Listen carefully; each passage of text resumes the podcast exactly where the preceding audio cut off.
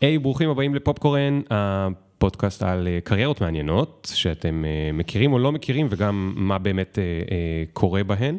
היום אנחנו עם מיכאל עומר, שהוא סופר מתח, מסתורים, פנטזיה ואימה, שיכול להיות שלצערכם אתם עוד לא מכירים, אבל הספרים שלו תורגמו ל-14 שפות, ונמכרו למעלה ממיליון עותקים, אני אגיד את זה עוד פעם, מיליון עותקים, משהו שהוא יוצא דופן, ל, אה, בטח לישראלי.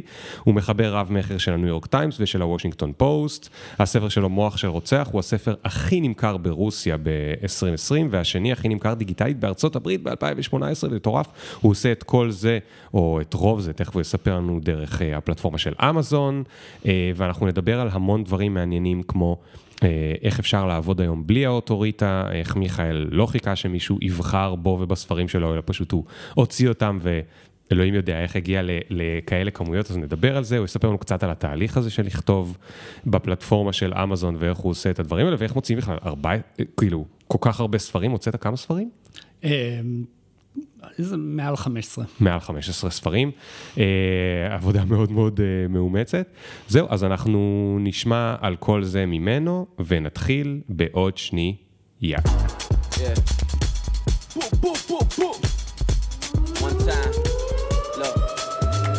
Ring the alarm. Hot ass nigga, yeah. big ass head so my dreams get bigger. Yeah. The campaign strong so my flows get sicker. Yeah. Confidence bigger than a drunk ass nigga. Look, I'ma work טוב, אז uh, כשהבן הבכור שלי היה בן שלוש, uh, שלוש או ארבע, uh, הוא הלך לחבר, ואני באתי לאסוף אותו uh, בערב. Uh, והגעתי בדיוק כשהם ערכו את הכלים לארוחת ערב. ואז אה, האימא שלו שאלה אם אני רוצה לחכות, כי הם כבר אוכלים ארוחת ערב. ואמרתי, וואלה, סבבה. אה, מה ש... לא למדתי, זאת אומרת, כשהייתי בבית ספר להורים, כל ההורים הולכים לבית ספר של הורים, אתה בטח אה, היית גם, אבל אני הפסדתי את השיעור שבו אה, מסבירים שהארוחה של הילדים היא רק לילדים. אה, ובעצם, אה, זאת אומרת, אנחנו בבית, היינו אני, אה, ליאור אשתי והבן שלי, ותמיד אכלנו ביחד, ולכן כשהיא הזמינה אותנו, או יותר נכון, הזמינה אותו לאכול את הארוחת ערב, הנחתי שזה כולל גם אותי. אז באת רעב. בת, אה, אני, אתה יודע, ערב, אני רעב בערב. אה, אז אה, בשיא הטבעיות התיישבתי בשולחן, היו שם כבר, אה, לא יודע, שלושה ילדים שלה והבן שלי. והיא הסתכלה עליי שנייה, נראה לי מבולבלת, ואז מעוצבנת, ואז, וחשבתי שהיא עומדת להצטרף, אבל בעצם מה שקרה זה שהיא ערכה את השולחן בצלחות פלסטיק לילדים, כמו שנהוג, שמה לי צלחת פלסטיק, אה, ואז אה, נתנה לכל אחד מזלג, רק מזלג, שמה לכל אחד, בשלב הזה היא התחילה לדבר גם עם חברה שלה בטלפון, שיהיה ברור שכאילו אין, אין בינינו שום engagement whatsoever, אה, שמה לי כף קוטג', את הפרוסת חביתה שהיא שמה לכל אחד מהילדים, והלכה אה, לחדר אחר לדבר עם חברה שלה בטלפון, אני ישבתי שם עם כל הילדים ועם המזלג שלי. אמרתי, אוקיי, משהו פה לא עבד כמו שהתכוונתי, כן. אכלתי מהר את הקוטג' והחביתה, אני אוכל מאוד מהר, גם, גם כשיש לי רק מזלג. אמרתי לגבי, לבן שלי, יאללה בוא, הולכים. לא הוזמנתם יותר, אני מניח. לא, גם לא רציתי לחזור לשם. גם לא רצית לחזור לשם, כי האוכל לא היה טעים? דווקא היה אחלה אוכל, אחלה קוטג' וחביתה, באמת, אין תלונות. טוב, תודה על הקוטג', זה היה סיפור מקסים על קוטג'. תגיד, אה, מיכאל, אני חייב לשאול, אני חייב להתחיל מהסוף, איך מוכרים למעלה ממיליון עותקים של משהו? קודם כל, אה, עותק, עותק, אה, כל עותק בנפרד. אני, זאת אומרת, זה באמת, זה משהו שמצטבר לאורך שנים, אבל, אה, אבל אה, זה, זה מתחיל מבאמת אה, איזושהי סדרה טובה ש, שהוצאתי, סדרת מתח, שהוצאתי באופן עצמאי באמזון, ו, ובעצם היא הצליחה, ואני אחר כך גם אפרט איך היא כן. הצליחה. כן. אמ, והיא התחילה למכור אה, במושגים של עשרות, עשרות אלפים. אה, ואז אה, הסדרה הזאת בעצם בראה לה עוד סדרה, שזאת כבר סדרה שבשלב הזה אה, יכולתי, על בסיס ההצלחה שלי ליצור קשר עם הוצאה שמוציאה ספרים, הוצאה בבעלותה של אמזון, זאת הוצאת ספרים בבעלותה של אמזון, ואמרתי להם, תסתכלו, הספרים שלי באמזון, תראו איך הם מוכרים, אולי אתם רוצים להוציא את הספרים האלה, והם אמרו כן. אה, ואז הם כבר הוציאו לי קצת ספרים, ומהצד גם קצת הוצאתי ספרי פנטזיה, אה, והספרים שבעצם ההוצאה הזאת הוציאה, שהספר אה, הראשון, Killer's Mind, היה הצלחה פנומנלית, והוא בעצם סלל את הדרך לאיזו עלייה מטאורית של אה, מכירות mm. בצורה, ו, ואז גם הגיעו התרגומים, וכמובן שברגע שהגיעו התרגומים, וזה, ואז כבר פרצתי לגמרי את, ה, את הקהל ה... בכל העולם זה, זה פשוט מצטבר ל, כן. להרבה מאוד עותקים שנמכרים כל יום. זה מדהים איך אה, כאילו יש שני אה, עולמות מקבילים זאת אומרת, עדיין, להפתעתי, עדיין יש שני עולמות מקבילים. העולם המיינסטרימי, שבו הדברים עדיין קורים לפעמים בצורה מאוד מאוד מיושנת, והעולם, שאנחנו קוראים לו פה בפודקאסט העולם החדש, למרות שהוא לא, זה, זה לא, הביטוי הוא לא חדש, הביטוי הוא ישן, אבל העולם החדש של עכשיו, שבו מישהו כמוך יכול אה, לעשות דברים כאלה מדהימים, והחבר'ה מהעולם הישן לא, לא, אפילו לא סיפרו לנו ש, ש, שיש אותך, זאת אומרת, אתה, אתה כנראה אחד הסופרים הישראלים הכי מצליחים, אבל, אבל, אבל זה, אז אה, זה מרתק אותי, ואני רוצה רגע ללכת ל... מה עשית קודם? כל הייתי מתכנת. היית מתכנת? אה, גדול. כן, אבל אתה יודע, אמרתי כאילו, בסדר, כסף באמת אי אפשר לעשות בהייטק, נלך כן, להיות סופר. בדיוק, בדיוק, זה בדיוק הסיפור שאנחנו רוצים, זה הסקופ, זה הסקופ. חבר'ה, זה הכל פייק ניוז, אין כסף בהייטק, אתם רוצים לעשות כסף, תעברו להיות סופרים. אתה התחלת לכתוב תוך כדי שעוד אה, היית מתכנת? כן. Uh, אני uh, בעצם, uh, היה לי איזה קונספט. הקונספט היה שאני אכתוב ספר, uh, ספר נוער, ש... בשלב הזה כבר הבנתי שצריך גימיק כדי להצליח, אז אמרתי, אני אכתוב ספר נוער, ש... שבתוכו יש לינקים לבלוג של הגיבורה.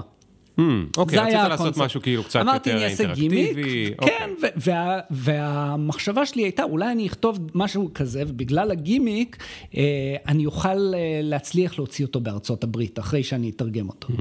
וכתבתי את הספר הזה בעברית בזמן שעבדתי כמתכנת, אה, ואז תרגמתי אותו לאנגלית. רגע, ספר על זה טיפונת, כמה זמן לקח לך לכתוב אותו, ומאיפה בכלל אתה יודע לכתוב ספר, זה היה ספר אימה?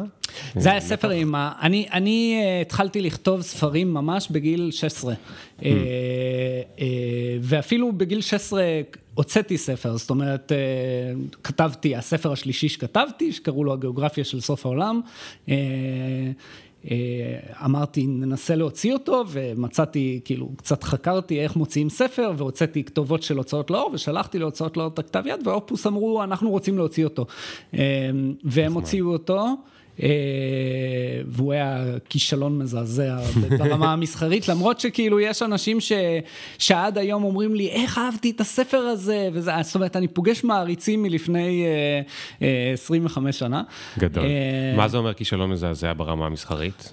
נמכרו 14 עותקים? אני לא יודע בדיוק כמה נמכרו, המהדורה הראשונה מעולם לא, אה, לא נמכרה עד סופה. אני יכול mm. להגיד לך מה זה אומר מבחינת מה ששמעתי. מכר שבעצם אה, אה, מכיר אנשים שם, אמר לי, אה, אחרי שהם הוציאו את הספר שלך, הם החליטו קצת לרדת מספרות מקור. שברתי את אופוס. גדול. אבל... Little did they know, by the way. נכון. למרות שאגב, הם, הם, מישהו מאופוס יצר איתי קשר ממש לפני איזה כמה חודשים, ושאל אותי אם בא לי להוציא אה, גרסה מחודשת של הגיאוגרפיה של סוף העולם, בעקבות גדול. ההצלחה שלי. גדול. ואמרתי לא. לא, ואם כן, אז uh, בלעדיכם. לא, לא, לא, לא, זה היה אה, דווקא מאוד לא זרמתי, אבל, אבל כאילו אמרתי לו, תשמע, אני, אני זוכר שאני ממש מתבייש בספר הזה, כן. כתבתי אותו בגיל 16, זה לא משהו שאני רוצה להיזכר בו, והוא אמר, לא, לא, אני קראתי אותו. אמרתי, בסדר, תן לי לקרוא אותו בסוף שבוע, אני אה, אסתכל. ותגיד, לא. איך, איך, ידעת לה, איך, איך, איך ידעת ליצור ספר? אה, למדת על איך כותבים סיפורים, או שפשוט ניסית לכתוב משהו שהוא דומה להרבה דברים שקראת כל החיים? פשוט ניסיתי לכתוב משהו שדומה למה, ש... למה שקראתי. בעצם הגיאוגרפיה של סוף העולם הוא חצי פלגיאט של אה, טרי פרשט ודאגלס אדמס. Mm. ו... ובעצ... ו... וככה...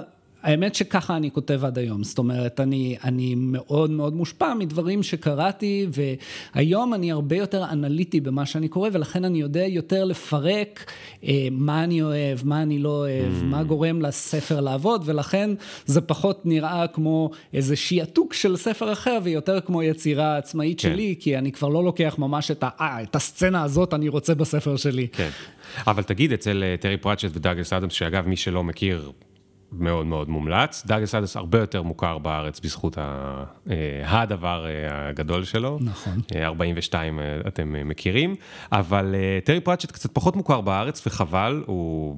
כאילו, אתה עושה פרצוף, כי בטח לך הוא, הוא מין גיבור, אבל, אבל הוא פחות מוכר בארץ. הוא פחות, הוא פחות מוכר מדגלס אדמס. והוא מדהים, ו, ובספרים שלהם יש הרבה תחכום, גם במובן של אתה בהמשך מבין משהו שרק יכולת לדעת קודם. זאת אומרת, כן, יש שם איזושהי אה, מחשבה שאומרת, אי אפשר פשוט להתיישב ולכתוב ספר, צריך לתכנן משהו, לתכנן עלילה או גיבורים או, או, או, או הוקים, זאת אומרת, עוגנים שאחר כך נחזור אליהם או משהו כזה. עשית משהו מהדברים האלה, או שעוד לא היית ב... אז, אז... כשהתחלתי לכתוב לא עשיתי את הדברים האלה. אה, בעצם התחלתי מזה שכתבתי איזה משפט שמצא חן בעיניי, ואז כתבתי עוד משפט, ובספרות אה, יש, קוראים לזה pantsers, זה אנשים שמתחילים עם דף ריק אה, ומתחילים לכתוב. ה pantser הידוע מכולם הוא סטיבן קינג, הוא פשוט כן. כותב את הספרים שלו מכלום. באיזשהו שלב, באמת כשכתבתי את נדודי שינה, הספר אימה הראשון, שכתבתי כבר בגיל... 35 עם הגימיקים, כבר הבנתי שזה לא עובד מה שאני עושה, זאת אומרת שזה, שזה אה, ככה לא כותבים ספר, או ככה אני לא מצליח לכתוב ספר בצורה טובה. Mm. אה, ואז התחלתי להגיד, טוב, בוא ננסה לתכנן, בוא ננסה לכתוב איזה תוכנית. Uh, התוכניות הראשונות שלי היו מאוד בקווים כלליים, ולאט לאט כשהתמקצעתי, התחלתי להבין איך אני עובד עם לתכנן את הספר מראש, אה, ובעצם לכתוב אותו בצורה שכבר התוכנית הכללית מוכנה לי כן, מראש. כן, שכבר ברור מה העולם, או מה העלילה, או מה, ברור, מה בדיוק. ברור, ממש, זאת אומרת, קווי המנחה, ש... הקווים המנחים של העלילה ברורים. ברורים לי הגיבורים אה, במידה מסוימת, ברורים לי ההתחלה, אמצע וסוף. אה, שוב, זה הכל בקווים מאוד כלליים. כן. בסופו של דבר, כשאני מסתכל על ספר גמור שכתבתי ו... ומשווה אותו ל outline, בדרך כלל הקשר ביניהם הוא מינורי. Hmm. אה, אבל, אה, אבל זה נותן לי איזשהו, איזשהו תוכנית שאני יכול להתחיל לעבוד איתה, וככה כל כמה זמן אני מתקן את התוכנית לפי כן. מה שקורה בפועל, כן. וממשיך כן. לעבוד. אז כמה שנים היית מתכנת? וואו. אני, בטח זה יצא עשר שנים, כן, משהו כמו עשר שנים הייתי מתכנת. אוקיי, okay. ותוך כדי uh, כבר כתבת? כאילו בסוף אני מבין שכן, אבל תוך כדי גם לפני ובאמצע? כן, uh, תוך כדי כבר uh, התחלתי לכתוב, על לקראת הסוף, זאת אומרת, הייתה לי הפסקה גדולה אה, בין הספר שהוצאתי בגיל 16 והוצאתי עוד אחד בגיל 18, ואז בגדול הפסקתי לכתוב. בגיל 25 כתבתי עוד ספר, אבל לא הצלחתי באמת אה, אה, למצוא הוצאה שתוציא אותו לאור, וירדתי מזה, כי ידעתי... אה, מה שרוב הסופרים החובבים והמקצועיים יודעים בארץ, זה שאי אפשר, אי אפשר להתפרנס מכתיבת ספרים. זאת אומרת, זה היה אקסיומה. בארץ כמעט בלתי אפשרי להתפרנס מכתיבת ספרים, אה, ולכן אה, אולי כדאי שאני אהיה מושקע עכשיו במה שקוראים לו החיים עצמם. כן, כן. זה... וזה, ו, והמחשבה הייתה, אי אפשר להתפרנס, או המחשבה הייתה, אני לא מספיק טוב? זאת אומרת, גם מחשבות כאלה גם היו? לא, אני לא זוכר שחשבתי אני לא מספיק טוב, זאת אומרת, לא, לא היה לי איזה תחושה, כשהייתי קורא את מה שאני כותב הייתי די מבסוט. היום כשאני קורא בדיעבד את מה כן, שכתבתי כן, אז, אני כן. נחרד, אבל אז כן. הייתי כזה וואלה, זה סבבה. זה נחמד. אה, אבל אה, לא, לא, זה היה ממש אה, נטו סביב זה שאני יכול לכתוב פה ושם סיפור קצר, אני נהנה מזה, אבל, אה, אבל להקדיש לזה המון זמן ולכתוב ספרים וזה, אה, עדיף לי להתמקד כרגע בפרנסה. כי, כי איך זה באמת נראה כשכותבים כספר? כמה באמת זמן זה דורש ממך? זה דורש uh, הרבה זמן. זה... היום כשאני עושה את זה במשרה מלאה, אני כותב uh, נגיד uh, משהו כמו בממוצע בטח בין 1,000 ל-1,500 מילים ביום. Uh, ועוד יש את החודש שאני משקיע בלתכנן אותו, ואחרי שהספר גמור, וספר אצלי זה 100 אלף מילה, זה, זה די הרבה ימי כתיבה, mm. uh, ואז, ואז כשהוא גמור אני צריך עוד איזה חודש וחצי לערוך אותו. זאת אומרת, אפשר לקצר, הייתה תקופה שעבדתי יותר מהר, אבל, אבל היום כשאני ממש עובד לטווח רחוק, זה בערך הקצב. זה, אוקיי. זה אז זה ספר בשנה? דורשני. זה יוצא לי ספר בעשרה חודשים. כן, כן. כן. וואו. אוקיי, אז, אז, אז, אז איפה היה המפנה בעצם? המפנה, אה, המפנה האמיתי הגיע כש... כשעוד שוב עבדתי כמתכנת, כתבתי כבר את הספר אימה שלי, ובדיוק עסקתי בלמצוא אייג'נט, אה, ש... ש... ש... בארצות הברית, אם אתה רוצה להוציא בצורה מסורתית, אה, אתה צריך אייג'נט, והאייג'נט הזה הוא מייחצן אותך מול ההוצאות, אה, ו... וככה התחלתי להתעסק ב-query letters ואיך זה, ועשיתי אקסל עם מאות אייג'נטים ולמי כדאי לשלוח ראשון, עשיתי עבודת ריסרצ' מאוד רצינית, אבל במקביל הספר יצא בארץ. Hmm. והוא היה, אה, שוב, במתכונת ה... ה... הטרנד שכבר יצרתי, הוא היה כישלון מסחרי מוחלט. ו, ובפעם, הפעם הזאת זה גם אפילו כמעט שבר אותי, זאת אומרת, הוא גם קיבל ביקורות בינוניות, יש, הייתה שם ביקורת, הייתה ביקורת שהוא קיבל בהארץ, שהייתה מחרידה. היא הייתה כאילו ביקורת מזעזעת. אני קראתי אותה ואמרתי ליאורה, תקשיבי, זה, היא, היא, זה, היא, זה ממש מרגיש כאילו היא שונאת אותי, והיא אמרה, לא, אתה מגזים וזה, תן לי לקרוא, היא לקחה את זה, קראה את זה, ואמרה, תשמע, היא לא אהבה את הספר שלך. באמת באמת ביקורת... אבל, אבל איך זה בכלל עבר את, את רף מה שכותבים עליו ביקורת? כי לא כל ספר שיוצא כותבים עליו ביקורת. זאת אומרת, כן היה שם משהו יוצא דופן, אין הרבה כותבי אימה בארץ, או איפה כן, העניין? כן, אני, אני חושב שאתה יודע, אין, אין באמת הרבה ספרות אימה בארץ. אה, אני, ו, ולא יודע, הוא גם בגלל הגימיק, בטח הרי שוב, היה לינקים לפוד, אה, אוקיי, אוקיי, אוקיי, זה כבר ואז, הספר עם, הלי, עם ואז, הלינקים. כן, זה הספר עם הלינקים. אוקיי. ו, ובאמת, זאת אומרת, כשקוראים היו כותבים לי, וגם נגיד בקבוצות פייסבוק וזה, מאוד אהבו את הספר, ואגב, כשאני קורא אותו היום, זה לא ספר כבר שאני נחרד כשאני קורא אותו, זה ספר שאני גאה בו. אבל, אבל באמת, כמה ביקורות, ב, נקרא לזה גורמים רשמיים, ynet, הארץ, אה, היו בינוניות עד שוב מחרידות. כן. אה, ובנוסף לביקורות הוא גם באמת באמת באמת לא מכר, וחוויתי את החוויה שסופרים אחרים מכירים אה, בארץ, שכשספר שלך לא מצליח, ההוצאת ספרים מפסיקה לענות לטלפונים שלך. וואו, באמת מפסיקה או מפסיקה? כן, כן, כן, מפסיקה. זאת אומרת, אתה מתקשר וכזה לא עונים. כי, כי אני מניח שמה שעומד מאחורי זה שסופרים כיצורים די נידיים, רוצים נגיד דוח מכירות לא מוגזם, כל שעתיים, שלוש, והם פשוט, אין להם, לא בא להם על השיחה הזאת כן. של זה לא, זה לא אנחנו, זה אתה. כן. אז... זה מערכת יחסים אבל שנשמעת טיפה נצלנית, כי זאת אומרת, אם זה מצליח אז הם ייתנו לך הרבה תשומת לב, ואם זה לא מצליח אז הם... הם התעלמו, אבל, אבל כמה הם מושקעים בזה? זאת אומרת, הם השקיעו את העריכה? זהו, או זה, את ה... אז הם מושקעים בזה כלכלית, הם עיצבו את הכריכה, הם השקיעו את העריכה, כל הדברים האלה, הם okay. מושקעים. אבל להוצאה, יש, אה, לא יודע מה, כנרת מוציאה מה, 100, 200, 400 ספרים בשנה, אין לי מושג מה המספר, כן? אבל המון ספרים. Mm-hmm. ואז התפיסה...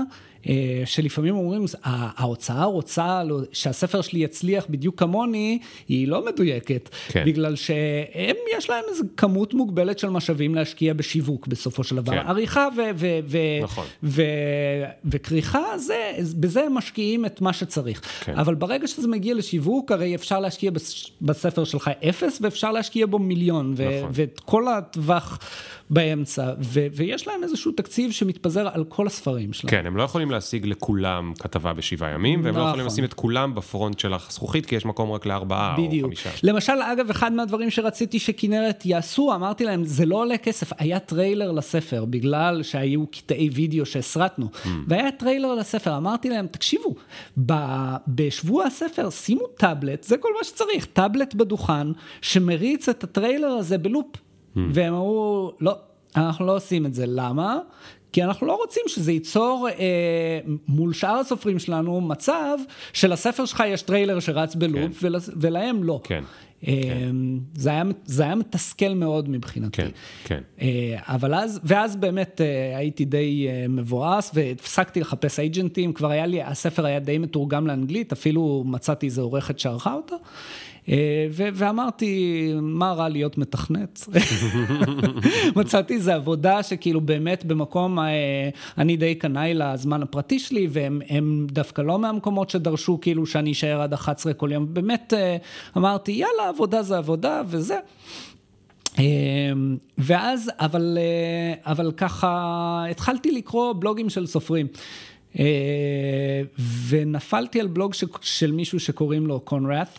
אה, שהוא אחד מהמיסיונרים הראשונים להוצאה עצמית בארצות הברית, והוא, והוא המיר את דתם של אה, אלפי סופרים. אה, והסיפור שלו הוא מדהים בפני עצמו, הוא היה סופר כושל של מתח במשך עשרות שנים, הוציא הרבה ספרים והם כולם היו מכירות נורא נורא בינוניות והוא היה תפרן לגמרי, ובאיזשהו שלב גם ההוצאה אמרה לו, די, אנחנו לא, הוצאנו 20-30 ספרים שלך, אנחנו לא עושים את זה שוב. אמ, כנראה שהם רצו לעצור בעשר והוא כן. הכריח אותם להמשיך. ואז מה שהוא עשה, הוא קנה את הזכויות של הספרים שלו חזרה, הם מכרו לו אותם בחזרה בלא יודע מה, דולר 90, אה, והוציא אותם עצמאית באמזון, ופתאום הוא היה מיליונר. וואו. אה, להפתעתו, זאת אומרת, ומה שמעניין זה שהוא התחיל לכתוב את הבלוג שלו ב-2009 כשהוא היה אה, כישלון, נדמה לי, או ב-2006, נגיד ב-2009 הוא התחיל לעשות את הדבר הזה, ופתאום הבלוג משנה את האופי שלו מ... סופר שבקושי מתקיים ל, אה, רגע, אבל היום, החודש כבר הרווחתי עשרת אלפים דולר, ווואו, mm. מה קורה פה? והספר הזה מוכר ככה. אה, מדהים, ו, ובאמת קראתי את הבלוג הזה, והתחלתי לקרוא אותו גם בעבודה, וחבר שלי במשרד, התחלתי לדבר איתו על הבלוג הזה, אני קראתי את הבלוג הזה שלושה ימים ברצף, פשוט קראתי פוסטים אחורה.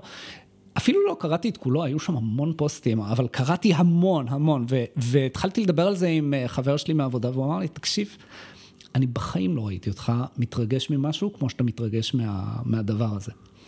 אה, והיה שם קונספט אחד ש, שהדהים אותי, זאת אומרת שני קונספטים, אחד זה שהבנתי שאפשר להצליח בזה, והקונספט השני זה שהוא אמר, אתה יכול להציב לעצמך מטרות בעולם הזה של הוצאה עצמית, ומטרות שהן כולם עליך.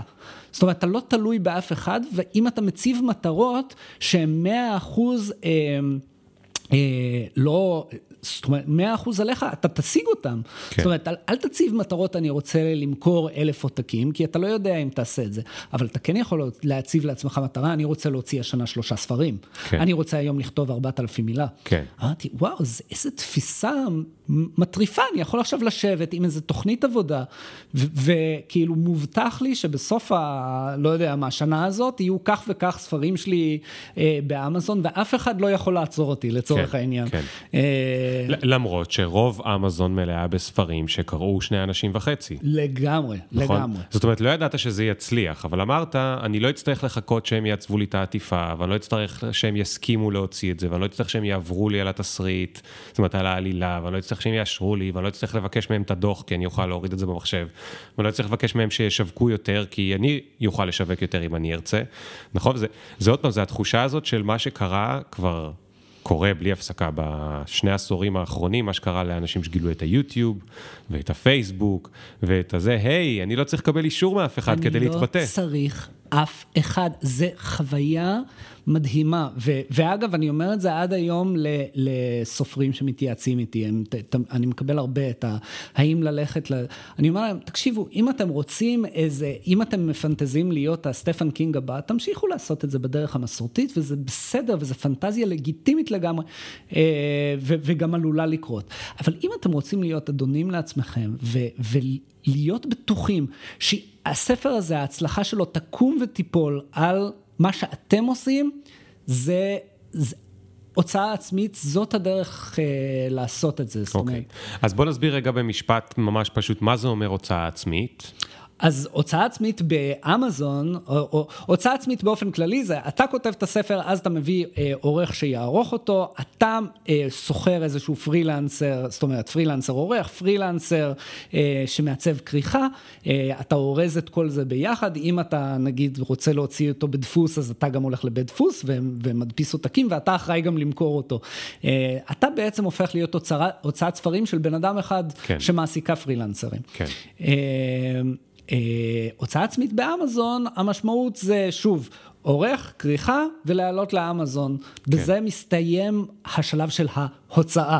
כן. אה, ובעצם מתחיל השלב האמיתי והשלב שבו אה, באמת הרבה אנשים מתרסקים, שזה השיווק. כן, כן. אני חושב אגב שהרבה סופרים, למרות שהם יודעים היום שיש את הסיפור עם אמזון, הם בורחים ממנו כי השלב של השיווק נראה כל כך מאיים וכל כך רחוק מהאומנות ש, ש, שאתם כל כך טובים בה, שהם אומרים, אפילו שהסיכוי קטן שזה יצליח, לפחות הם ינסו לעשות את זה, ולא אני אצטרך לשים את עצמי בחוץ, או, או לשווק את עצמי, או לעשות כל הדברים האלה. זה נכון, אני, אגב, אני ידעתי על הוצאה עצמית באמזון לפני קונראט, זה, הוא לא גילה לי את עצם העובדה שזה קיים, אבל כששמעתי על הוצאה עצמית, ואפילו שמעתי איזה סיפור כזה, היה אז איזה סיפור איזוטרי על מישהי שהצליחה, אמרתי, בסדר, אתה צריך להיות בטח גאון שיווקי כדי לעשות את זה, ואני יודע על עצמי שאני לא גאון שיווקי, אה, אה, ו, וכל הניסיונות הקודמים שלי לשווק את עצמי בכל מיני מיזמים אחרים היו כישלון חרוץ.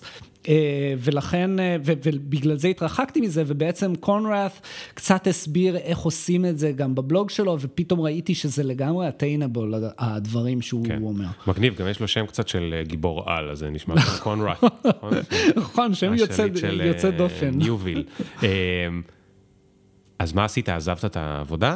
לא, אה, אני באותו, באותו זמן היו לי כבר שלושה ילדים, אה, אה, ואני לא יכולתי באמת לקום וללכת, mm-hmm. אבל אמרתי, יאללה, בוא, בוא נתחיל לרוץ עם זה. היה לי כבר את הספר שכתבתי, הספר נוער הזה, ו, וכאילו ממש הוצאתי אותו די מהר באמזון.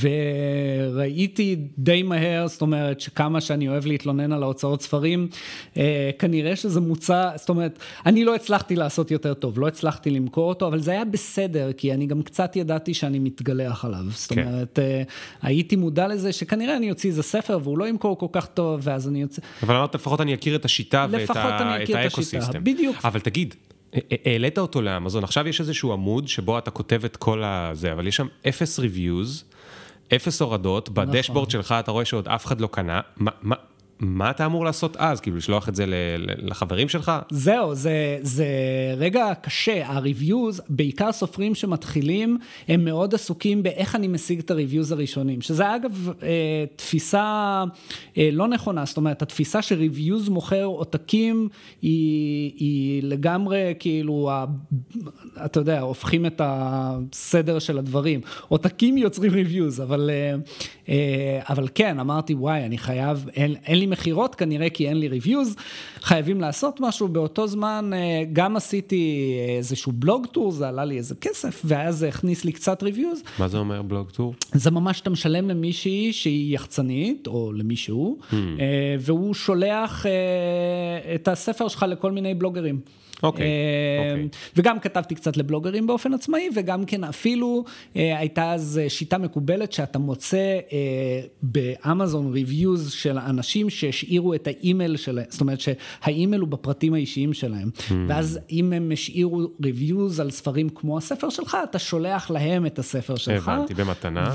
במתנה, ואומר, אולי אתה רוצה לעשות reviews גם עליו, ובאמת הצלחתי להוציא מזה קצת ריוויוז מהשיטה הזאת. אוקיי. אבל מה, לחצת הרבה על הרפרש ב... המון על הרפרש, הדשבורד הזה, זה... פתאום גיליתי, אולי היה עדיף שגם הדשבורד לא יענה לשיחות, כי, כי אתה פשוט עושה רפרש עליו כל שעה. כן. אתה אומר, רגע, אבל איך ייתכן שבשעה האחרונה לא קנו אף ספר? ובאיזשהו שלב אמרתי לעצמי אפילו, אוקיי, בוא נעצור שנייה ונחשוב איזה מספר ש... נניח שעכשיו אני לא מסתכל על הדשבורד 24 שעות, ואז אני פותח אותו ורואה את כל המכירות שהיו אתמול, איזה מספר ירצה אותי. כן. והגעתי לה, להכרה שהמספר שירצה אותי, המספר שישמח אותי, הוא לא ריאלי. זאת אומרת, אה, זה היה, לא יודע מה, רציתי לראות 100 עותקים, כן. והייתי מוכר בין 0 ל-1 כל כן, יום. כן, כן.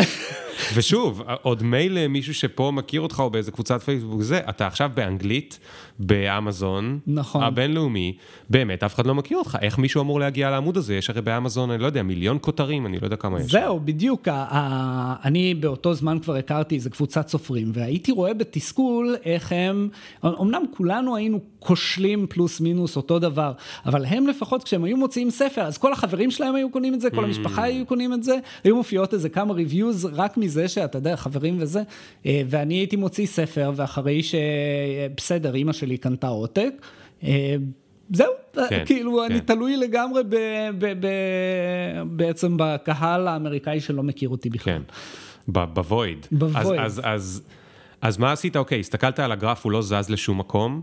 זה, זה הרגשה נורא נורא נורא קשה, אני מכיר אותה גם בתור יזם, כן. כאילו, כל יזמות, ככה זה נראה, אתה, יש לך איזה נכון. רעיון, אתה מתחיל לעבוד עליו, אתה מוציא גרסה ראשונה לאוויר, והעולם, ואתה מחכה שהעולם ימחא לך כפיים, והעולם ממשיך בשלו לעשות לא מה שהוא... הוא לא מוחא לך כפיים. הוא לא, הוא לא מוחא לך כפיים, הוא לא ידע שאתה קיים, גם אם הוא יודע שאתה קיים, לא אכפת לו, נמאס לו גם כבר לשמוע על הרעיונות שלך, ויש שם מין שקט כזה, אז מה, אז מה עשית? אה, רגע, ואתה עדיין מתכנת, ואני נכון? עדיין מתכנת. Okay. אוקיי. בשלב הזה קרה אחד מהדברים שבסופו של דבר הם הכי משמעותיים בקריירה הספרותית שלי. פגשתי קבוצת סופרים אה, באיזה פורום כזה של סופרים עצמאיים, אבל באיזשהו שלב אמרנו, כאילו התחברנו, שוב, אותם חבורת אה, סופרים שכולם בערך התחילו יחד איתי. זאת אומרת, כולנו הוצאנו את הספר הראשון באיזה טווח של אה, אה, חצי שנה אחד מהשני. אה, ואמרנו, בואו נפרוש הצידה לקבוצת פייסבוק, ושם זה יהיה יותר אינטימי. ו, אה, ו, ונוכל לדבר יותר בחופשיות. ובאמת עשינו את זה, ומאוד אה, אה, התחברנו, הקבוצת סופרים הזאת. והקבוצת סופרים הזאת נהייתה מין hive mind, ש... שבעצם שיתפנו אחד את השני בכל מה שאנחנו עושים, איך אנחנו עושים, כל מסקנה. אה, כל דבר שאולי צריך לבדוק, אה, אם מישהו היה בוחר איזה כריכה, הוא היה מראה אותה ל hive mind, והיינו אומרים מה אנחנו חושבים וזה, ולאט לאט מה, אה, התחלנו לפתח איזה ידע קולקטיבי, mm. הקבוצה הזאת. אה, מעבר לזה שגם מתח... ממש ממש נהיינו קרובים, זאת אומרת, נהיינו חבורת אה, סופרים מאוד אה, מלוכדת.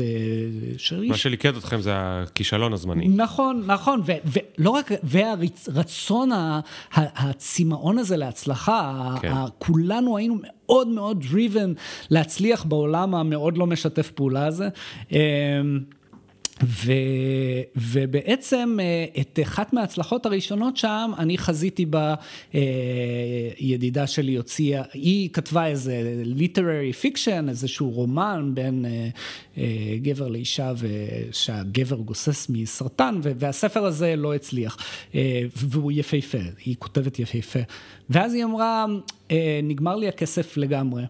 לגמרי, זאת אומרת, היא עזה לה כסף, אה, אני צריכה לכתוב עכשיו משהו מסחרי.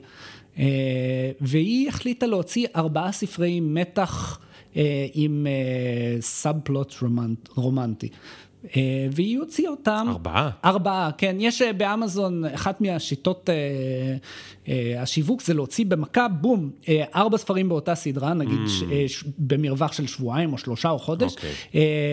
ואז בעצם כאילו הם, הם מרימים אחד את השני. זו שיטה מקובלת. Okay. אוקיי. היא כתבה מאוד מהר את הארבעה ספרים האלה, והוציאה אותם, ופתאום זה היה איזו הצלחה מטאורית. מטאורית.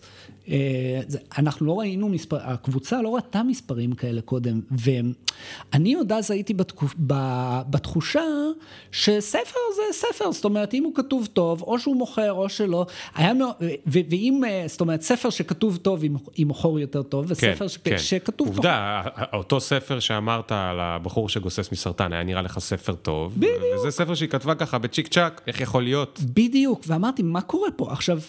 יש משהו שחשוב לחדד, כל הזמן הזה אני לא הבנתי את הקונספט של ז'אנר. בארץ אין כל כך, יש ספרים, יש מדף של ספרים חדשים, אם יש ז'אנר זה מדע בדיוני ופנטזיה, זה, זה הז'אנר שמכירים בזה שהוא ז'אנר ועוד חיברו את מדע בדיוני ופנטזיה ביחד. זה כאילו הז'אנר הנפרד, וזהו, וחוץ מזה יש ספרים, ואם יש ספר אז הוא, הוא יושב ליד שאר הספרים, ולא הבנתי אה, אה, שבעצם יש ז'אנרים שונים של ספרים, אה, ושיש קהל זה, זה מה שהיה mind boggling, כשהבנתי את זה, יש קהל שקורא רק את הספרים האלה. ז'אנרים מאוד ספציפיים אתה מתכוון. ספציפיים. תן דוגמה, מה זה ז'אנר uh, מאוד ספציפי? ז'אנר מאוד ספציפי, זה מתח פסיכולוגי, זה, mm. זה רומנטיקה, או אפילו רומ, uh, מה שנקרא ביליונר uh, רומנס, כאילו זה מגיע לסאב ז'אנרים. מערב פרוע, אנשים שקוראים רק ספרים על מערב פרוע. עכשיו, אתה אומר, מה, כאילו, אתה קורא באמת... ספרים רק על מערב פרוע, ואז מסתבר, כן, לא רק זה, אני קורא ספר בשבוע רק על מערב פרוע. זה, זה, ופתאום אתה מבין, אה, אוקיי, אז יש פה איזה מין, ועכשיו בארץ זה לא היה עובד, כן? אם היה, היה ז'אנר מערב פרוע, כן. אז היה כאילו... 30 קוראים פוטנציאליים. 30 קוראים פוטנציאליים וזה היה נגמר. בארצות הברית, בגלל שיש 240 מיליון איש, אה, אז, אז אם יש אפילו תת ז'אנר קטן, הוא נהיה פשוט מה, מהמסה של האנשים, אה, הוא נהיה קהל קוראים צמא, בגלל שהם קוראים רק מהסוג הזה, וכמובן שבהוצאות המסורתיות לא, לא מוציאים בקצב מספיק גבוה כדי להשביע את רצונם, בעיקר לא כשהז'אנר הוא מאוד מאוד ספציפי. כן, כן. ו- ואז התחלתי להבין את הקונספט של ז'אנר, שאפשר לכתוב לז'אנר. ו, ובאותו זמן בדיוק הייתי עסוק בלכתוב איזו טיוטה לספר אה, משטרתי, מדע בדיוני, אה, כאילו ערבבתי שוב, עשיתי איזה אה, משטרה בשנת 2040, משהו כזה. ואמרתי, רגע, רגע, רגע, אין, אין ז'אנר כזה, כמו שספר האימה שלי לבני נוער, אין ז'אנר כזה באמת. זה, יש סופר אחד שכותב את זה, זה אראל סטיין, וכאילו, אה, כל, וזהו, ואין יותר, כן. זאת אומרת, זה לא ז'אנר אמיתי, אין לו מספיק קהל קוראים, אבל אה, ספרי משטרה זה ז'אנר, וזה ז'אנר מאוד פופולרי, ואולי תתאפס על עצמך ותכתוב בז'אנר פעם אחת ותראה מה קורה. ושכתבתי את הטיוטה הזאת, כי האמת שמשטרה בשנת 2040 ומשטרה בשנת 2020 זה לא מאוד שונה, זה כבר אה, אה, אה, די דומה, ושכתבתי את הטיוטה הזאת ו, ו, ואמרתי אני אעשה כמו שהיא עשתה, זאת אומרת אני אוציא את הספרים אחד אחרי השני, כתבתי שלושה ספרים, הוצאתי אותם במרווח קרוב אחד מהשני, באותה תקופה אה, גם היה לי מזל ובדיוק אמזון השיקו את הפלטפורמה שלהם לפרסומות. והחברים שלי מה hive mind עוד אפילו קיבלו בטא, אז הם קצת התנסו בזה ושיתפו מהחוויות שלהם. ואז החלטתי אה, להוציא את הספרים שלי כשביום שבעצם הפרסום, הפלטפורמה הזאת נהיית public. מה זה הפלטפורמה של הפרסומות? אה, לאמזון יש אמזון אדס. אתה רואה את זה כשאתה נכנס לאמזון, תמיד יש לך uh, sponsored products או משהו okay. אוקיי. כזה, וגם לפעמים כשאתה מחפש, אתה מופיע לך sponsored products. Okay. אז אתה יכול לשלם כדי לקד... לעשות uh, uh, קידום ממומן. כן, והתפיסה והתפ... uh, שלי הייתה, אוקיי, פרסומות פייסבוק כבר כל הסופרים יודעים. אה, איך לעבוד עם זה, וכאילו, זה, זה שיטה ישנה, ולכן כשש, כשאיזושהי פלטפורמת פרסום היא כבר מוכרת, היא נהיית, אה, היא פחות כדאית, אבל כשפלטפורמת כן. פרסום אה, היא חדשה, אנשים עוד לא יודעים להשתמש בה. נכון. ואז יש לך איזה כמה חודשים, אם אתה יודע להשתמש בה, שאתה ממש יכול לרכב על הגל הזה, נכון. שאתה פשוט מכיר אותה יותר טוב, אתה יודע להשתמש בה יותר טוב, אתה יודע למקסם את הערך שלה. אמרתי, זה מעולה, יש לי את כל הידע מהחברים שלי, אה, וביום שהפלטפורמה הזאת בעצם התחילה, אני הוצאתי את הספרים שלי והתחלתי לפרסם באופן מאוד אגרסיבי באמזון אדס, והספרים שלי טסו למעלה. אתה עדיין מתכנת. עדיין מתכנת. אוקיי, והצלחת לכתוב שלושה ספרים תוך כדי? כן. של אותו אה, ז'אנר משטרתי? כן. ועכשיו אמרת אני מפרסם בפלטפורמה הזה, וזה מתחיל לטוס. וזה פשוט המריא כאילו למספרים שבאמת באמת באמת לא חשבתי שזה... מה היה בדשבורד סוף סוף? היה, את המספרים שאז אמרתי הם לא ריאליים, 100 עותקים ביום פתאום כן, נמכרים, כן. 150, כאילו מספרים ש, שאני אומר, מה זה, איך, איך פתאום קפצתי לשם, שאתה מסתכל על ה...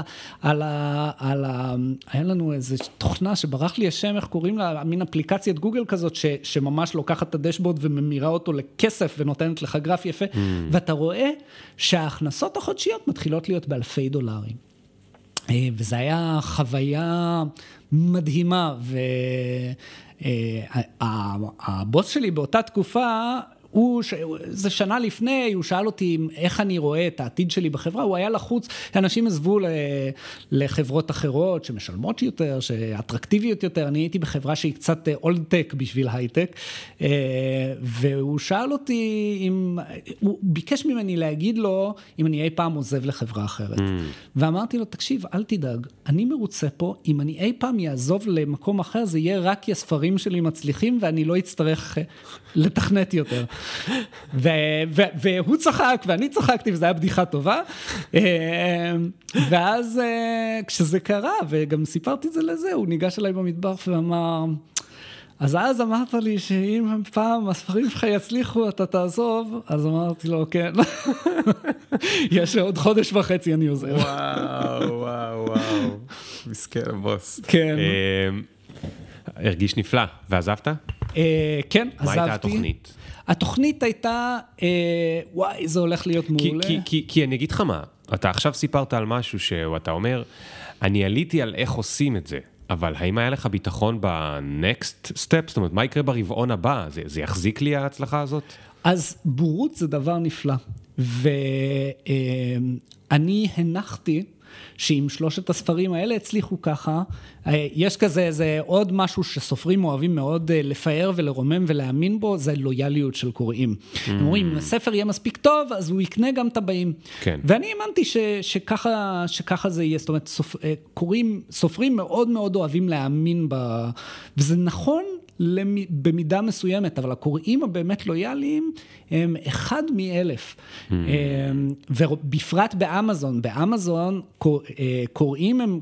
הם, הם קונים בקפריזות, הם נכנסים, יש להם שתי דקות, הם קונים לקינדל, הרבה פעמים הם לא קוראים אפילו את הספר. סופרים גם חושבים שכל ספר שהם מוכרים זה ספר שנקרא, זה לא קרוב להיות נכון.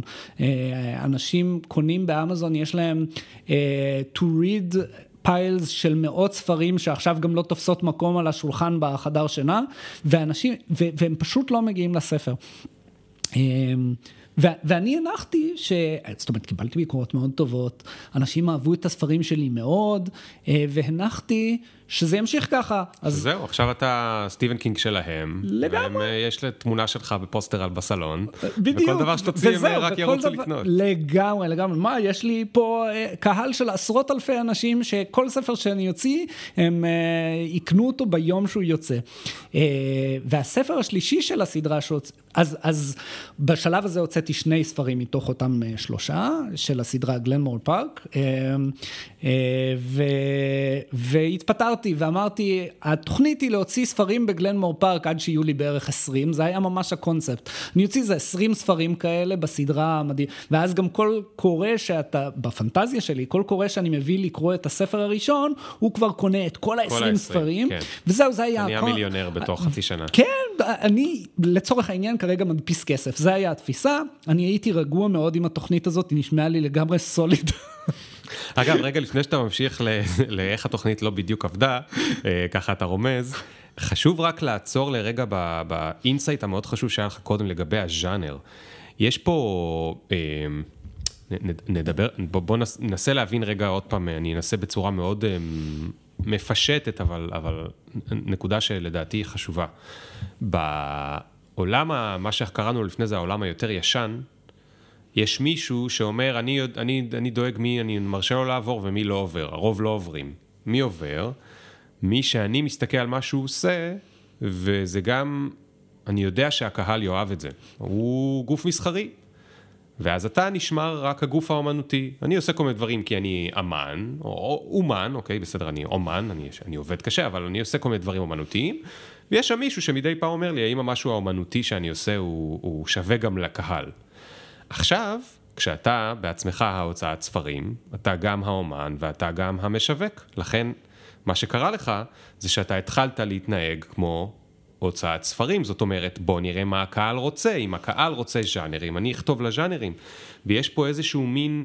הרבה פעמים אה, קצת אה, שבירת reality bite, או אני לא יודע איך לקרוא לזה, שבירת אה, בועה שהאומן מגלה שהוא צריך להיות קצת יותר מסחרי. נכון. וזה קורה, שוב, ליוטיוברים, די-ג'אים, שזה משהו שהרבה פעמים עובד בלי אה, אה, סוכנות, אלא הם משווקים את עצמם, הם כבר מזמן גילו את זה, שחצי מהזמן הם יצטרכו לעשות מוזיקה שהם שונאים. אה, ואגב, אני, אני חייב לשאול, כמה הרגשת שאתה צריך אה, להתרחק או לא להתרחק ממה שאתה הכי רוצה לכתוב עליו? אז אני, אני בר מזל. אה, שוב, אני לא קורא ז'אנרים, אה, מעולם לא קראתי ז'אנרים, לא הבנתי את התפיסה. אני קראתי ספרים טובים, ומה שאני, יותר חשוב לי לכתוב ו- ולקרוא, זה ספרים שיש בהם דמויות טובות, שהסיפור אה, אה, אה, מחזיק אותי, וזה יכול להיות סיפור ש- שלא קורה בו לכאורה כלום, אבל אם הוא כתוב היטב, אם הדמויות משכנעות אותי, אם הקונפליקטים הם חזקים, ממש ממש לא אכפת לי אם זה פנטזיה או מדע בדיוני כן, או כן. מתח או... ולכן כל מה שהייתי צריך לעשות, כל הסוויץ' המחשבתי mm. בראש, mm. היה וואלה, אז, אז אני עכשיו אכתוב את הספרים שאני אוהב והם יהיו ספרי מסתורין. זה ממש לא, אין, אין אין לי בניגוד ל, למה שהרבה אנשים חושבים, אין לי איזה פטיש לרוצחים כן, סדרתיים. כן. אפילו, אפילו יש לך קצת מזל. שלא הספקת להצליח בתור איזשהו משהו שזה היה נועל אותך אולי לז'אנר אחד ש... שאמזון לא היה אוהב. יש, כשאני אני הוצאתי ספרים ב-2015, אה, היה באותה תקופה דיבור על שנת 2012. שנת 2012 אז נתפסה כה gold rush של ה self publishing, וכולנו נורא קינאנו בהם. למה? כי כל מי שהוציא ספר בשנת 2012 מכר עותקים בלי סוף. כן, כי היו מעט בחנות. נכון, בדיוק, כי החנות, וזה כאילו היה ממש נראה אמרתי, וואי, אם רק הייתי מתחיל להוציא ספרים ב-2012, אותם סופרים שהתחילו להוציא ב-2012, 99% מהם שב-2015 דיברו על ההכנסות שלהם וכמה הם מרוויחים ואיך הם הצליחו וזה וזה וזה, לא קיימים יותר. Mm. בגלל שהם מעולם לא חוו את הדבר הזה של וואלה, צריך לכתוב מה שהקהל רוצה. הם אמרו, וואי, אני מוציא וזה מוכר, איזה כיף, כנראה אני נורא מוכשר, שוב. כן, אה, כן. וברגע שהחנות נהייתה מוצפת, הספרים שהם הוציאו כבר נהיו... איזה משהו שלא, הוא לא מוצר אטרקטיבי. כן, כן, כן. אז, אז, אז יש, פה, יש פה כל הזמן, אה, אה, זה שוב, אני אומר את זה גם כאיש product, הרבה פעמים אתה אומר, אוקיי, ה product שלי טוב, אני אייצר אפליקציה טובה, או מוצר טוב, או whatever, מעולה, והם כבר יבינו את זה, אבל יש כל הזמן משחק, יש ריקוד בין מה הם יבינו לבין מה הם כבר רוצים שתעשה נכון. עבורם, ואתה צריך כאילו להגיד, אוקיי, במקום שהם יחשבו שאני גאון, ללכת לקראתם ו- ולזכור שהם אלה שצריכים להשתמש. אוקיי, אז, אז, אז uh, כבר הוצאת שלושה ספרים, והם כבר סקאי רוקט, וחשבת שאתה הולך להדפיס כסף, ושלכולם יש תמונה שלך בסלון שלהם, לגמרי, כי הם המעריצים הגמורים שלך. לגמרי. And then what? ו- לא, ואז, ואז הוצאתי את הספר השלישי, והוא... זה היה, ו- ואמרתי, אוקיי, הנה היום הראשון, איפה עשרת אלפים מכירות שלי, ו- וכאילו, לא יודע, לא, ספר שלישי, אתה מפרסם אותו, זה לא זה, הוא כבר בוק 3. אה, זאת אומרת, אתה צריך שאנשים יקנו את הספר הראשון, והספר הראשון כבר קצת דעך, וכאילו היו מכירות, אבל אה, זה לא היה קרוב, כאילו, זה לא היה קרוב להכנסה שהייתי צריך כדי להתקיים אפילו. אה, זה היה, זה היה ממש, אז אה, כאילו הייתי צריך איזה הכנסה מסוימת כדי שאני אוכל להמשיך to funnel את הכסף אה, ל marketing אה, וגם... אה, נכון, כי השתמשת בפרסומות בשביל כן, לקדם את הספרים ואז החדשים. כל הזמן הייתי צריך איזושהי הכנסה כדי לפרסם, ו- ואני לא קיבלתי אפילו את ההכנסה כדי לפרסם, אמרתי, וואי, רגע, אה, אני כבר אפ- התפטרתי. אני כבר התפטרתי, אני לא יכול לחזור לשם בבושת פנים. אה, עשינו איזה חישוב, הגענו למסקנה שיש לי בערך שנה. אה, ל- לגרום לעסק הזה להמריא לפני שכאילו מתייבשים כל החסכונות שלנו. זה היה כזה שכבר מתחילים לשתות אה, חסכונות ואני אני פתחתי את הפיצויים שלי כדי אה, כאילו לממן כן, את, ה, כן. את מה שהתחיל שוב להיראות כמו איזה מין תחביב מאוד משונה שלי. אה, ואז אה, אה, אמרתי, אוקיי, אני צריך לעשות משהו. קודם עשיתי איזה, איזה מהלך מהיר כדי להציל את העניין, בעצם באותה תקופה, כאילו הוצאתי סדרה, Glenmore Park, book 1, book 2, book 3, אבל הם לא היו תלויים אחד בשני. אה, זאת אומרת, אותם דמויות, אבל סיפורים אחרים, אמרתי, יאללה, נפרק את זה, נקרא לזה Glenmore Park books, ואז כל ספר יהיה stand alone ואני אוכל לפרסם אותו. זו החלטה טובה, כי אנשים חשבו שאם הם לא קראו את אחד, אין להם מה לקרוא את שלוש. בדיוק, אוקיי. בדיוק. ואז ברגע שעשיתי את זה, בעצם הצלחתי לייצר הכנסה מהספר הזה, אבל כבר ראיתי, זה כבר לא היה מה שדיברתי עליו, הגל ההתחלתי שאף אחד לא מכיר את הפלטפורמה, אנשים התחילו להכיר את פלטפורמת הפרסום, ולא הצלחתי לייצר את אותו אה, אפקט. אה, של ההכנסות, ו- וגם שוב, ראיתי את הדבר הזה שוואלה, הרבה אנשים קו- קונים את ספר אחד ולא קונים את שתיים ושלוש, ואם לא יקנו את שתיים ושלוש, אה, ואנשים שקונים את שתיים לא קונים את שלוש, זה אולי אומר שאת ספר 19 שתכננתי לעשות, הם לא יקנו. כן. אה, התחיל, התחיל אה, להדהד בי הקונספט שזאת לא הייתה תוכנית טובה.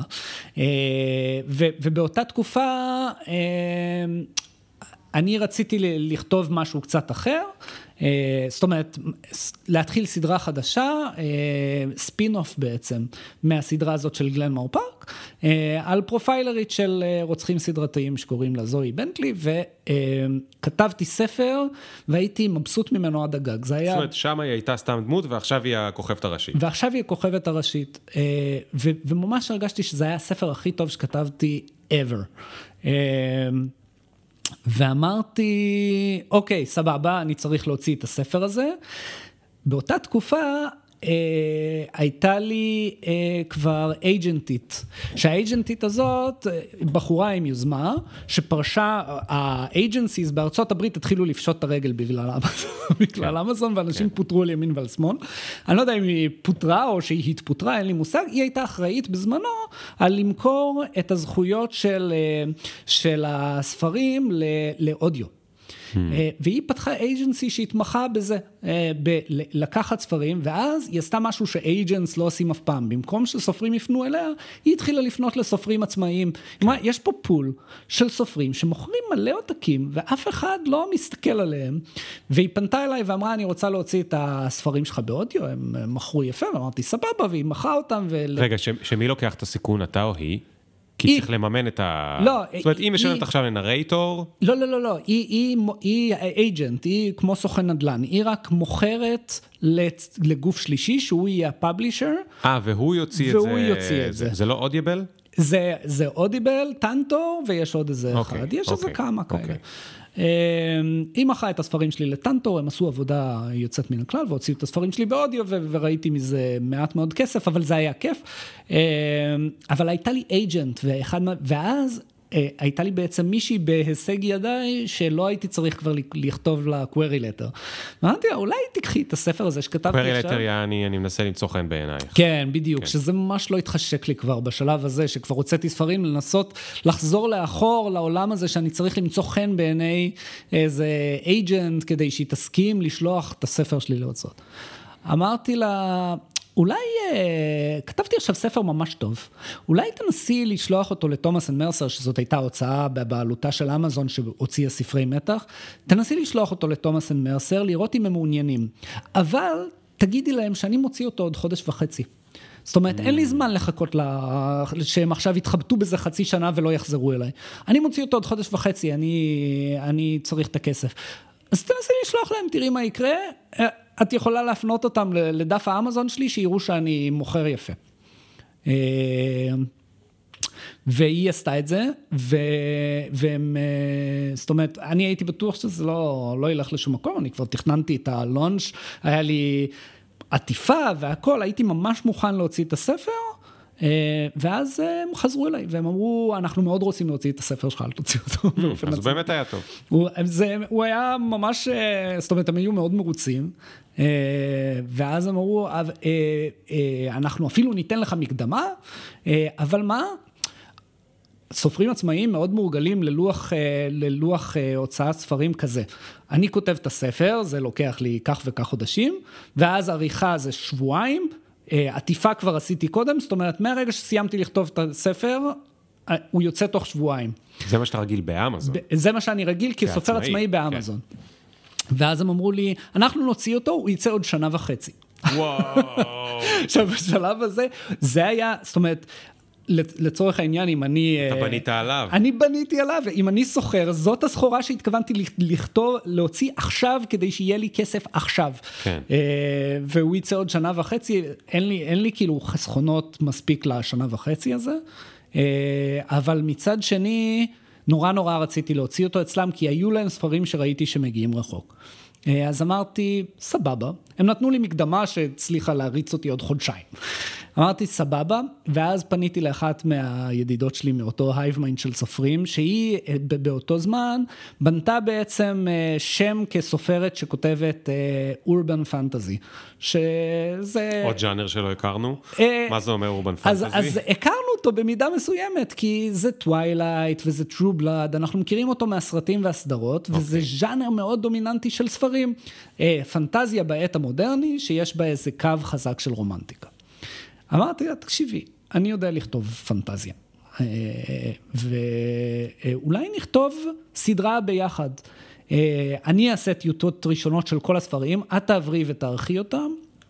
אה, ו- ו- ונוציא אותם מהר, בגלל שאנחנו שני אנשים זה יהיה יותר מהיר,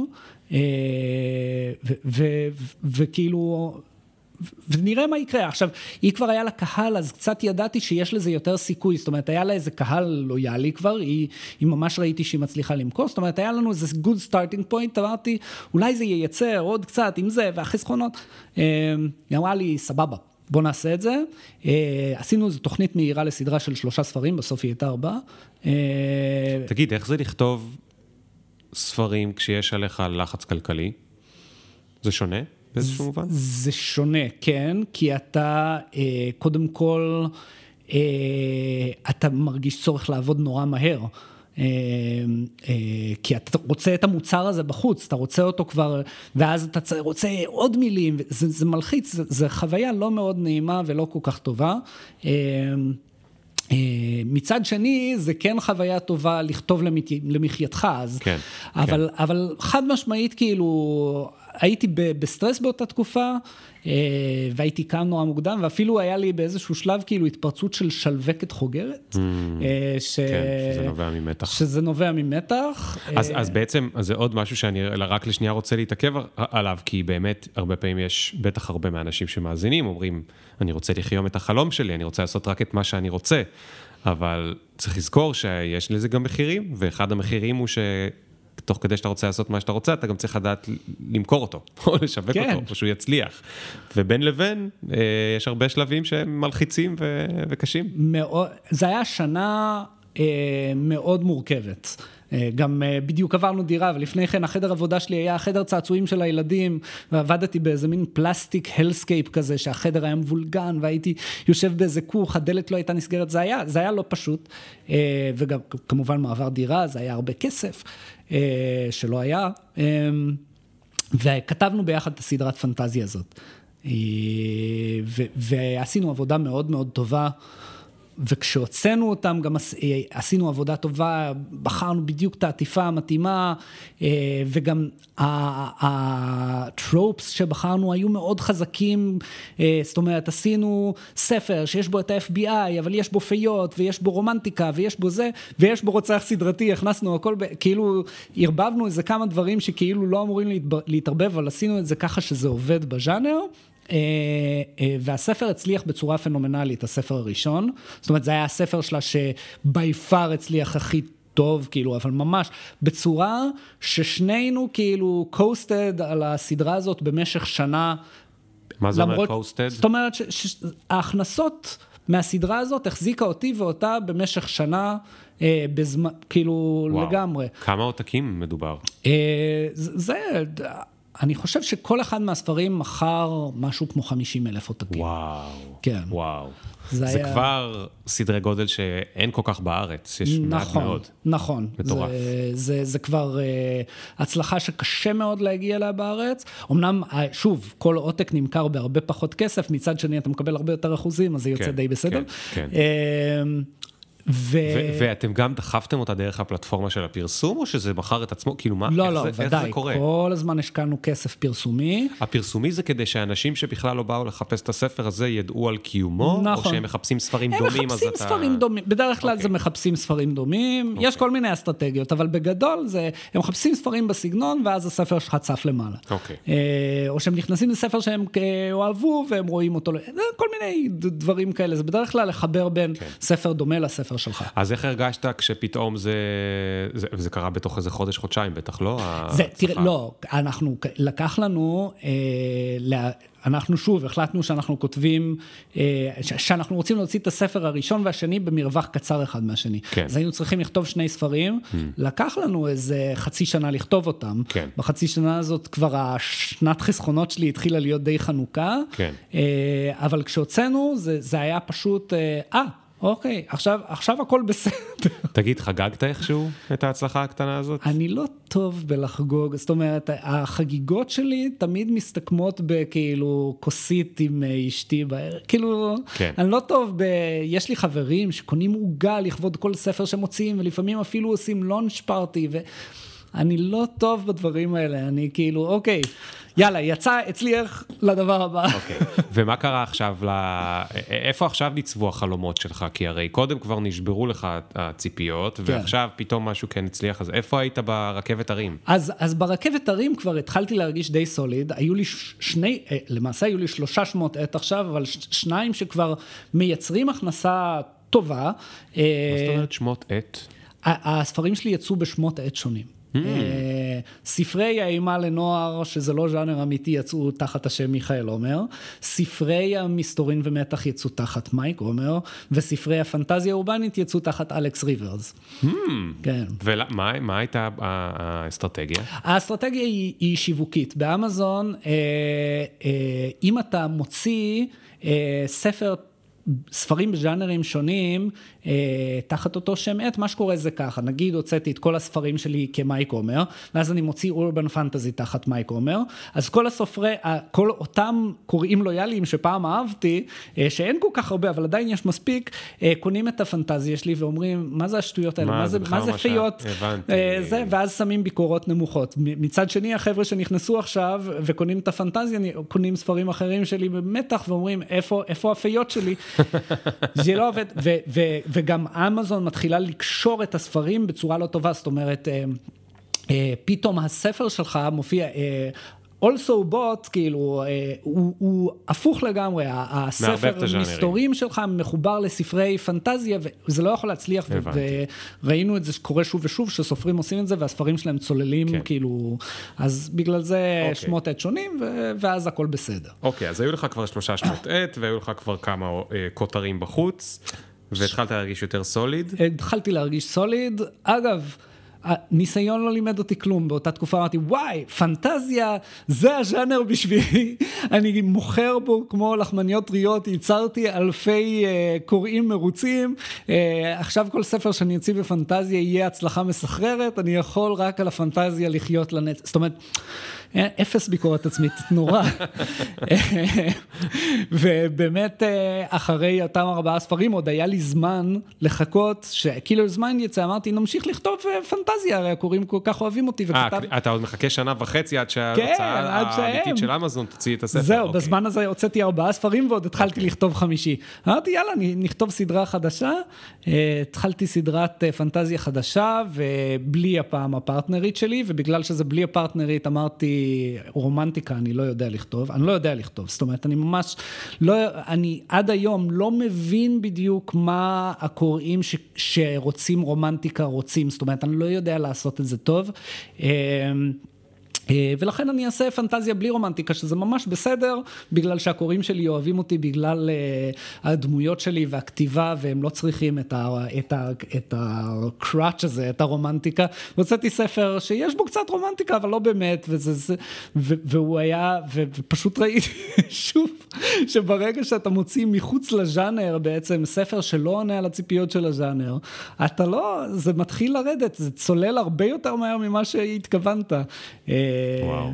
כן, כיום זאת הסדרה הכי, הסדרת פנטזיה השנייה הזאת שכתבתי, היא הסדרה הכי פחות מצליחה שלי, עוד פחות מצליחה מהספרי אימה לנוער שכתבתי, זאת אומרת, היא ממש... אה, ואני אגב מאוד גאה בה. מבחינת אה, שיפור בכתיבה עצמה, הדרך שבה אתה פועל זה פשוט שאתה ממשיך לכתוב עוד ועוד ועוד ועוד ועוד?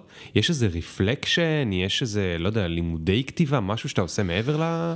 היה תקופה ש... אני שואל, אני שואל בייחוד כי אני יודע שאתה מתכנת, ואצל מתכנתים הקטע של לימוד עצמי הוא מאוד חזק. נכון, והייתה תקופה שהשקעתי הרבה מאוד בלימוד עצמי, זאת אומרת, למדתי טכניקות חדשות, למדתי מחברים שלי, אה, אה, דברים טובים וחשובים שאני, שאני מיישם עד היום, וה, והצורת כתיבה שלי היום היא מאוד שונה מאיך שהיא הייתה אפילו כשהתחלתי לפני כמה שנים, בגלל כל הדברים האלה שלמדתי. אה, באיזשהו שלב, אה, זאת אומרת, אני די, אני די כבר כאילו עושה משהו איטרטיבי על עצמי, זאת אומרת, אני מסתכל כבר על דברים שאני כותב, ואני מתחיל לחשוב איך אני רוצה לעשות אותם יותר טוב, בלי כאילו השפעה מהעולם החיצון, כי אני כבר מרגיש שאני במקום שאני כבר ממש כותב טוב, כאילו, אוקיי, אני לא... אני מצאת לא... את הקול שלך. כן, מצאתי את הקול שלי, ואני לא צריך כבר לימודי כתיבה מבחוץ כדי ללמד אותי, כי אני חושב שאני כבר שם, עכשיו זה לשייף כאילו אוקיי. את הפינות. אוקיי. אה, טוב, אז היינו בסדרת פנטזיה השנייה שלא הלכה, כן. ותן לי לנחש, עברה סוף סוף שנה וחצי? עברה שנה וחצי. יופי, ומוציאים לך את הספר ההוא. יצא הספר ההוא בהוצאת Thomas & Mercer, והוא היה הצלחה אפילו במושגים של Thomas & Mercer. אה, הצלחה פנומנלית. אה, אה, הוא בעצם... הגיע למספר אחד באמזון, זה דווקא באופן מפתיע, הוא, הוא יצא באיזה מסגרת promotion מיוחד של, של אמזון, שהם עושים כל חודש איזה שישה, שישה ספרים במשהו שנקרא Amazon First Reads, והספרים האלה הם בדולר 99 למישהו. פריים רידר, והם בחינם למישהו, לא זוכר, יש להם איזה הרכב כן. כזה, והספרים האלה באופן טיפוסי תופסים את, את רנקס 1 עד 6 בחנות, אה, במשך חודש. בכל החנות או בז'אנר ספציפי? בכל החנות. בכל החנות? כן, הספרים האלה מגיעים, אבל זה לא, זה לא מבטיח לך, בחודש הזה רוב ה... בעצם, אתה כאילו מוכר המון לכאורה, אבל בעצם המון מהספרים האלה ניתנים בחינם, וזה לא מייצר נכון, הכנסות. זה סוג של קידום. נכון, ואחר כך, אבל, אבל בחודש הזה, בגלל שהספרים היו מדורגים כל כך גבוה, אה, גבוה, אז, אז הספר יוצר מה שאמזון קוראים לו קפלינג עם, ספרי, עם הרבה מאוד ספ- ספרים אחרים, ואז בעצם הוא במקום הרבה יותר טוב בחנות, Mm. ואז ברגע שמסתיים החודש הזה, הוא בדרך כלל, יש לו יותר סיכוי, זה כמו כן. צורת שיווק מאוד מאוד אגרסיבית. אז זה שהוא הגיע למספר אחד בחנות, זה היה הישג, זה בין השאר אמר שמתוך ששת הספרים שיצאו, שלי היה הכי אטרקטיבי, אבל זה לא היה הישג שכאילו, זה, זה, זה, זה היה כיף, אבל זה לא הפיל אותי מה... זאת אומרת, בשלב הזה כשהייתי באמזון פרסט רידס, כבר קצת ידעתי שהוא הולך להיות בטופ 3 נגיד. כן. אז אמרתי, וואי, איזה כיף מספר אחת, הוא החזיק שם הרבה מאוד זמן, יותר מספרים אחרים, אבל... זה שכשהחודש הזה הסתיים, הוא ירד למספר 2 ונשאר שם להרבה מאוד זמן, ואחר. כך חזר כל פעם, ל- זה כבר היה מאוד מאוד יוצא דופן, אה, אה, הוא מכר כמות אה, משוגעת של עותקים, תוך כמה חודשים קיבלתי מאמזון כבר את ההודעה שמכרתי 100 אלף עותקים, ושהם מכינים לי, הם, אמזון כל מיילסטון, הם שולחים לך כזה מין טרופי אה, פיזי שאתה יכול לשים על הקיר. או אלבום על ה- זהב. כן, אלבום זהב כזה. אה, אה, הוא באמת, באמת, והתחלתי לקבל אימיילים מאמזון שאומרים, אוקיי, עכשיו מכרנו את הזכויות תרגום, הראשונים היו איטליה, ואחר כך לגרמניה, ואחר כך לרוסיה, ו- פתאום התחלתי לקבל כאלה כל מיני הודעות, ו- וכאילו זה היה, זה היה משוגע, ובאיזשהו שלב גם הוא נהיה הספר הכי נמכר, בח- ב- השני הכי נמכר בשנת 2018, וזה באמת היה תחושה שכבשתי את ההר הזה בצורה די אבסולוטית. מדהים. כן. מדהים, מדהים, מדהים. אז, אז, אז כבר חגגת משהו? מה אני חושב שהייתה כוס עם אשתי בערב, אני די בטוח, כמעט במאה אחוז סגור על זה. תגיד, כל הזמן הזה, ליאורה אשתך, שאגב, אני חייב לציין שהיא כתבה לי את האימייל, לא אתה כתבת נכון. לי, היא כתבה לי המלצה עליך, והרבה אנשים שולחים המלצות, ואני גם רוצה שתמשיכו לשלוח המלצות, וגם אני מתנצל כל הזמן, כי אנחנו מקבלים בין 20 ל-40 המלצות בשבוע, ויש רק פרק אחד, או לפעמים פרק וחצי בממוצע בשבוע, אז זה אומר ש-19 לא מגיעות. אבל אשתך כתבה אימייל מאוד נחרץ ונמרץ. כל התקופה היא הייתה כזו תומכת? כן. תשמע, שלושה ילדים, ואתה היית מתכנת, אתה כאילו, מה, אתה נראה מבולבל קצת מה, לעשות דבר כזה. כן, אז, אז זה משהו ש, שבאמת תמיד חשוב לי לציין. כל הזמן, לא רק שהיא תמכה, היא מלכתחילה הייתה זאת שתמכה ש, שדרשה ממני לעשות משהו שהוא לא תכנות, שהיא, ממש הביטוי שלה הייתה, אני רואה אותך לאט לאט מת מבפנים. תתחיל לעבוד על לעשות משהו אחר. והיא נתנה לי גיבוי מלא, וגם כשאז היה את השנה עם החסכונות, ואמרתי לה, תקשיבי, עשיתי טעות נוראית, אנחנו הולכים לגור ברחוב, היא אמרה, היא עשתה את החישובים, היא אמרה, תקשיב, יש לנו שנה בשקט, תוריד מעצמך את הלחץ הזה, שכמובן בשביל בן אדם אחר דתי זה לא עוזר בכלום, אבל, אבל כמה שזה כן עוזר, היא, היא אמרה, תוריד את הלחץ הזה, אני מכניסה את המשכורת שלי, אתה תעבוד על לגרום לדבר הזה להצליח, יהיה בסדר. וכן, היא נתנה לי גיבוי מלא. עכשיו תגיד, זה לא שאתה נראה לי כל כך אקסטרוברט, או מישהו שצריך במות וליטופים לאגו, אבל בכל זאת יש לי שאלה, אתה עושה את המהלכים המטורפים האלה, וכאילו אתה מסתובב לך ברחוב, ועל כותרות העיתונים יש כל מיני, אני לא אציין שמות, אבל כל מיני סופרים חמודים, שמכרו החודש 6,000 עותקים, ובגלל זה הם כאילו בנאמבר 1. איך, איך אתה מרגיש עם זה? וואי, אז אני אוהב באמת להגיד על עצמי שאני לא צריך, אבל אני כנראה צריך, כי זה הפריע לי מאוד. אמרתי, מה, מספר אחד, נכנסים לאמזון, מספר אחד, ג'יי קיי רולינג וסטפן קינג מתחת, היה אז תקופה של author uh, ranks, וממש הייתי שם מעל כולם. Uh, ו, ובארץ לא כותבים על זה כלום, ואפילו כתבתי, כתבתי איזה כמה אימיילים לאיזה בלוג ספרות, לאיזה, לוויינט כתבתי, לה, ו, ולא קיבלתי תשובות בכלל, כן. זאת אומרת, הם לא, הם לא זיכו אותי, אמרתי, אוקיי, וויינט תרבות, אני ממש זוכר שהיה איזה יום אחרי שחיכיתי שבוע לתשובה מוויינט והם התעלמו ממני לגמרי, אמרתי, בטח יש להם וויינט תרבות, זה, יש להם דברים חשובים לקרוא, לכתוב עליהם. נכנסתי והיה כזה, הכתבה העליונה שם הייתה משהו נוסח, עשר שנים ליציאת האלבום של קיילי מינו, הנה רשימת חמשת השירים שאנחנו אה, הכי אוהבים, איזה עצבים, אה, כאילו.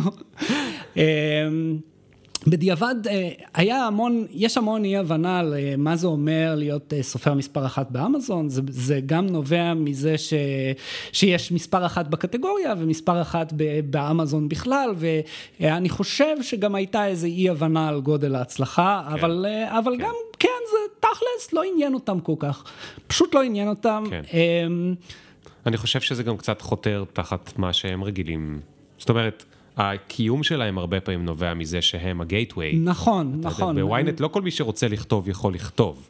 אגב, הדבר היפה שקרה זה שיצא הפינגטון פוסט לפני, לא יודע, 15 שנה או עשור, והרג לא מעט וויינטים כאלה בארצות כן. הברית, באותה שיטה שאמזון עשתה. כולם יכולים לכתוב. נכון שהכי טובים הם רק אלה שיופיעו בעמוד הראשי, והאחרים, אולי אף אחד לא יקרא את הבלוג שלהם, כי זה בעמוד 3007 בפינה, אבל אם אתה אפילו קצת יודע לכתוב, אתה תתקבל לכתוב שם. וזו בדיוק שיטה הפוכה מה... מה זהו, אה, יכול להיות שגם זה, זה קשור, ב... אבל באמת אה, היה איזה חוסר עניין משווע. אה, בסוף מצא אותי, זאת אומרת, דווקא התפר... התפרסמה איזושהי כתבה עליי ב... לא זוכר, באטלנטיק או משהו כזה, על, על הוצאה עצמית, ואז לקחו אותי כדוגמה, ואיזושהי כתבת בגלובס קראה את הכתבה, נדלקה ויצרה איתי קשר. אחרי שהכתבה הזאת התפרסמה, אה, באמת פתאום קיבלתי כזה איזה מכה של כאילו אה, ירון לונדון ושליין, אה, אה, בתוכנית הבוקר של שליין, כל מיני כזה, רצו מהר מהר אה, לראיין אותי ולדבר איתי, אבל, אבל באמת אה, זה לקח המון זמן, ואחרי המון הידפקות שלי על הדלתות שלא זכתה למענה, אה, וזה היה מתסכל. החברים והמשפחה הבינו את אה, גודל ההצלחה? כן, כן, החברים במשפחה מאוד הבינו את גודל ההצלחה, okay. אוקיי. קיבלתי הרבה פרגונים.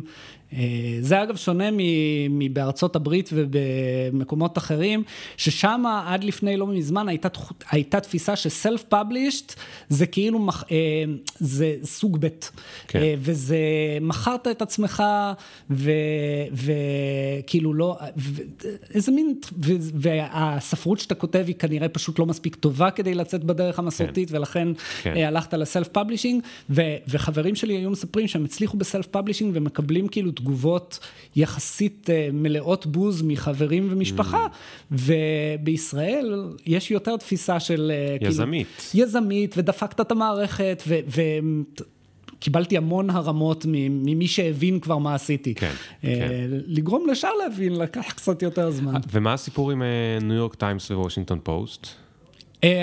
זה, זה כאילו... אותו ספר? כן, כן, אותו ספר, Killer's Mind, אחרי, זאת אומרת, וושינגטון פוסט, וושינגטון פוסט מחשיב את כל, איך זה הולך, הוא מחשיב את כל ההורדות מאמזון First Reads כקניות, ולכן mm. יותר קל להיכנס שם לטבלאות כן. למי שנמצא בזה. כן. הניו יורק טיימס היה יותר קשה, אבל, אבל בסוף הצלחתי גם להגיע לטבלה הזאת. זאת אומרת, הם כבר הבינו שאין להם מה להילחם בזה, וזה חלק מהמשחק. נכון. כן, הם, אה, כן, כן. אה, זה, הם, אני לא בטוח שהם מאה אחוז הבינו. בניו יורק טיימס נכנסתי קצת מהדלת האחורית ממכירות אודיו. Mm. זאת אומרת, לא הספר שלי, לא הספר הדיגיטלי או הזה, אלא מה, שנכ... מה שהגיע לטבלה בסוף זה ספר האודיו גדול, שלי שאני גדול. כן. טוב, מיכאל, מה הלאה? אמ, אז אני, ש... אני ממשיך לכתוב כמייק עומר. מייק עומר. אה, אני כותב כרגע סדרה על אה, מנהלת משא ומתן, כשהיא תסתיים אני הולך לכתוב איזה standalone. אה, אני מנהל משא ומתן על, על זכויות הסדרה לספר שלי, אז אני מקווה שיצא מזה משהו. סדרת ספרים. לא, לא, אה, סדרת טלוויזיה. סדרת טלוויזיה? כן. אה, כן. אוקיי, אוקיי. טוב, אתה בטח לא יכול להגיד יותר מדי, אבל לא, לא בהמשך אולי נשמע. לא יכול להגיד כמעט כלום. בהמשך אולי נשמע על זה משהו. למרות אה, שאני כן יכול להגיד שגם זה לא לגמרי מסורתי באיך שזה קורה, אז... Hmm. אוקיי, אוקיי, מעניין, סקרנת. רציתי רק ל... פחדתי שאני הברזתי למישהו, סליחה. אוקיי. אחרי שספר מצליח באמזון, זה עניין של טרנד שהוא חולף, או שספר יכול גם בין שלוש שנים פתאום להמשיך למכור הרבה מאוד? יש עכשיו סדרה שקוראים לה אה, אה, משהו כמו Alien Barbaric Romance או משהו כזה, זו סדרה של 20 ספרים, רומנטיקה, בין אישה לחייזר, בעצם החייזרים חוטפים אותה, היא מגיעה לכוכב אחר ואיזה חייזר אחר מציל אותה, חייזר כחול, אה, אבל, אבל כחול, אבל חוץ מזה שהוא כחול הוא נראה טוב. אה, זו סדרה שלפני, כשהיא יצאה לפני חמש שנים, היא הצליחה בטירוף, ואני וחברים שלי, שאז עוד היינו סופרים כושלים, אני ממש זוכר איך הסתכלנו וניסינו להבין למה חייזרים אה, כחולים זה דבר כזה אטרקטיבי, ואז היא כאילו הצליחה ודעכה. ולפני uh, כמה חודשים איזה, איזה uh, בוקסטגרמרית uh, מצאה את הסדרה הזאת ועשתה uh, בלוג פה, uh, אינסטגרם פוסט שנהיה אוטומט... ממש ויראלי בטירוף על הסדרה הזאת, וכל הסדרה צפה חזרה ל, לכאילו מספר אחת באמזון. וואו, וזה וואו. ספר בן שש שנים. אה, אז חד משמעית אפשר להגיד שספרים, כן. אה, קורה שהם אני, פתאום אני, צפים אני מחדש. שואל כי אני מנסה להבין האם אתה עכשיו כאילו צריך להיות אה, כל הזמן להמשיך לייצר את הספרים. אני, זה, באיזשהו שלב ה-back library שלך כבר אה, יוצר איזושהי הכנסה. אה, והיא, והיא הכנסה שאפשר כאילו להתפרנס ממנה בכבוד, אם הצלחת מספיק, ואם הספרייה שלך מספיק גדולה. אני די קרוב גם לשם. שהזמן עובר.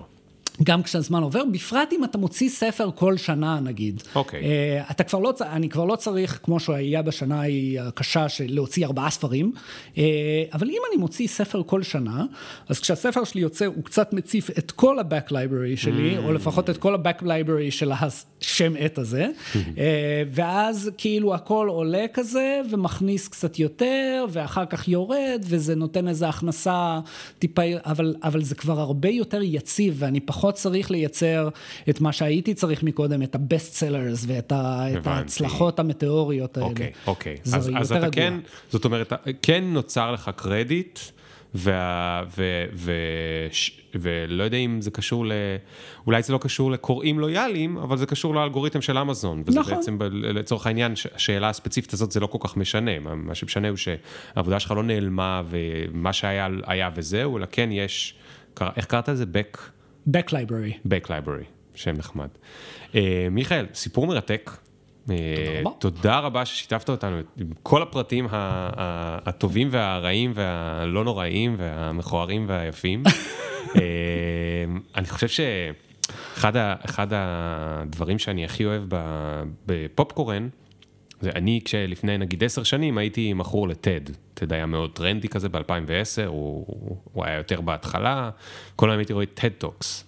ואז היה, היה מאוד טרנדי, לא רק, כולם ראו TED Talks כל הזמן. והבעיה ב TED Talks שהם 17 דקות. ו-17 דקות זה תמיד אתה מספיק את, ה, את המינימום של המינימום של ה hero story. זה וזה וזה, ואז uh, כבר לא יכולתי, ואז הכל הצליח בטירוף, ומאז כולם טסים לחלל בזכות רעיון שהיה לי כשעשיתי שנץ בסין, ברכבת, כשנתקע. ואנשים רואים את זה ואומרים, וואו, זה נותן לי כל כך הרבה השראה, אני אני רוצה לנסוע לסין." לעשות שנץ, ואני אציל את העולם, או, או יגיע לחלל, או כל מיני דברים הזויים כאלה יקרו, וזה פשוט כאילו בלבולי קשקושי ביצים. זאת אומרת, מצד אחד יש בזה יתרון חזק שקשור למה שאמרת קודם, הבורות. לפעמים ה... יותר טוב שלא תדע כמה זה קשה לעשות את הדרך. מצד שני, יש בינינו גם הרבה כאלה שכבר התחילו וניסו קצת ונתקלו במכשולים ואמרו, היי, אבל בטטוק הצליח לו, אז כנראה שאני גרוע, אני לא טוב כמוהו. וצריך לזכור שהדרך היא, שוב, לאף אחד לא מובטחת שום הצלחה, וגם יכול להיות שאף אחד הוא לא סופר טוב כמוך או טוב כמוך ב-whatever שהם עושים. אבל עדיין אה, הסיפורים האמיתיים הם בדרך כלל יותר דומים למה שסיפרת היום, וגם לך אולי עוד תהיה עוד רכבת הרים, כי אני לא יודע, אולי אתה תצטרך כדי לפרסם את הספר הבא להשקיע את כל החסכונות שעכשיו עשית מהספר הזה, ואז זה לא ילך, ואז אתה תבוא לפה לפרק ב' בעוד שנה ותספר איך הספר שאחרי זה עשית, עשה עוד יותר אה, זה, והוא נהיה רב מכר במאדים. אה, היה לי מאוד כיף, גם לי. תודה רבה. תודה לך שהבאת אותי. ולכל האמיצים בארון שם בחוץ, אה, אני מקווה שקיבלתם הרבה מאוד השראה, ו... ואלה שכבר, אה, האמיצים שהם לא בארון, אלא הם כבר יצאו ומנסים לעבוד על הדברים שלהם, אה, תמשיכו להיאבק. כי, כי ככה זה נראה וככה זה מרגיש.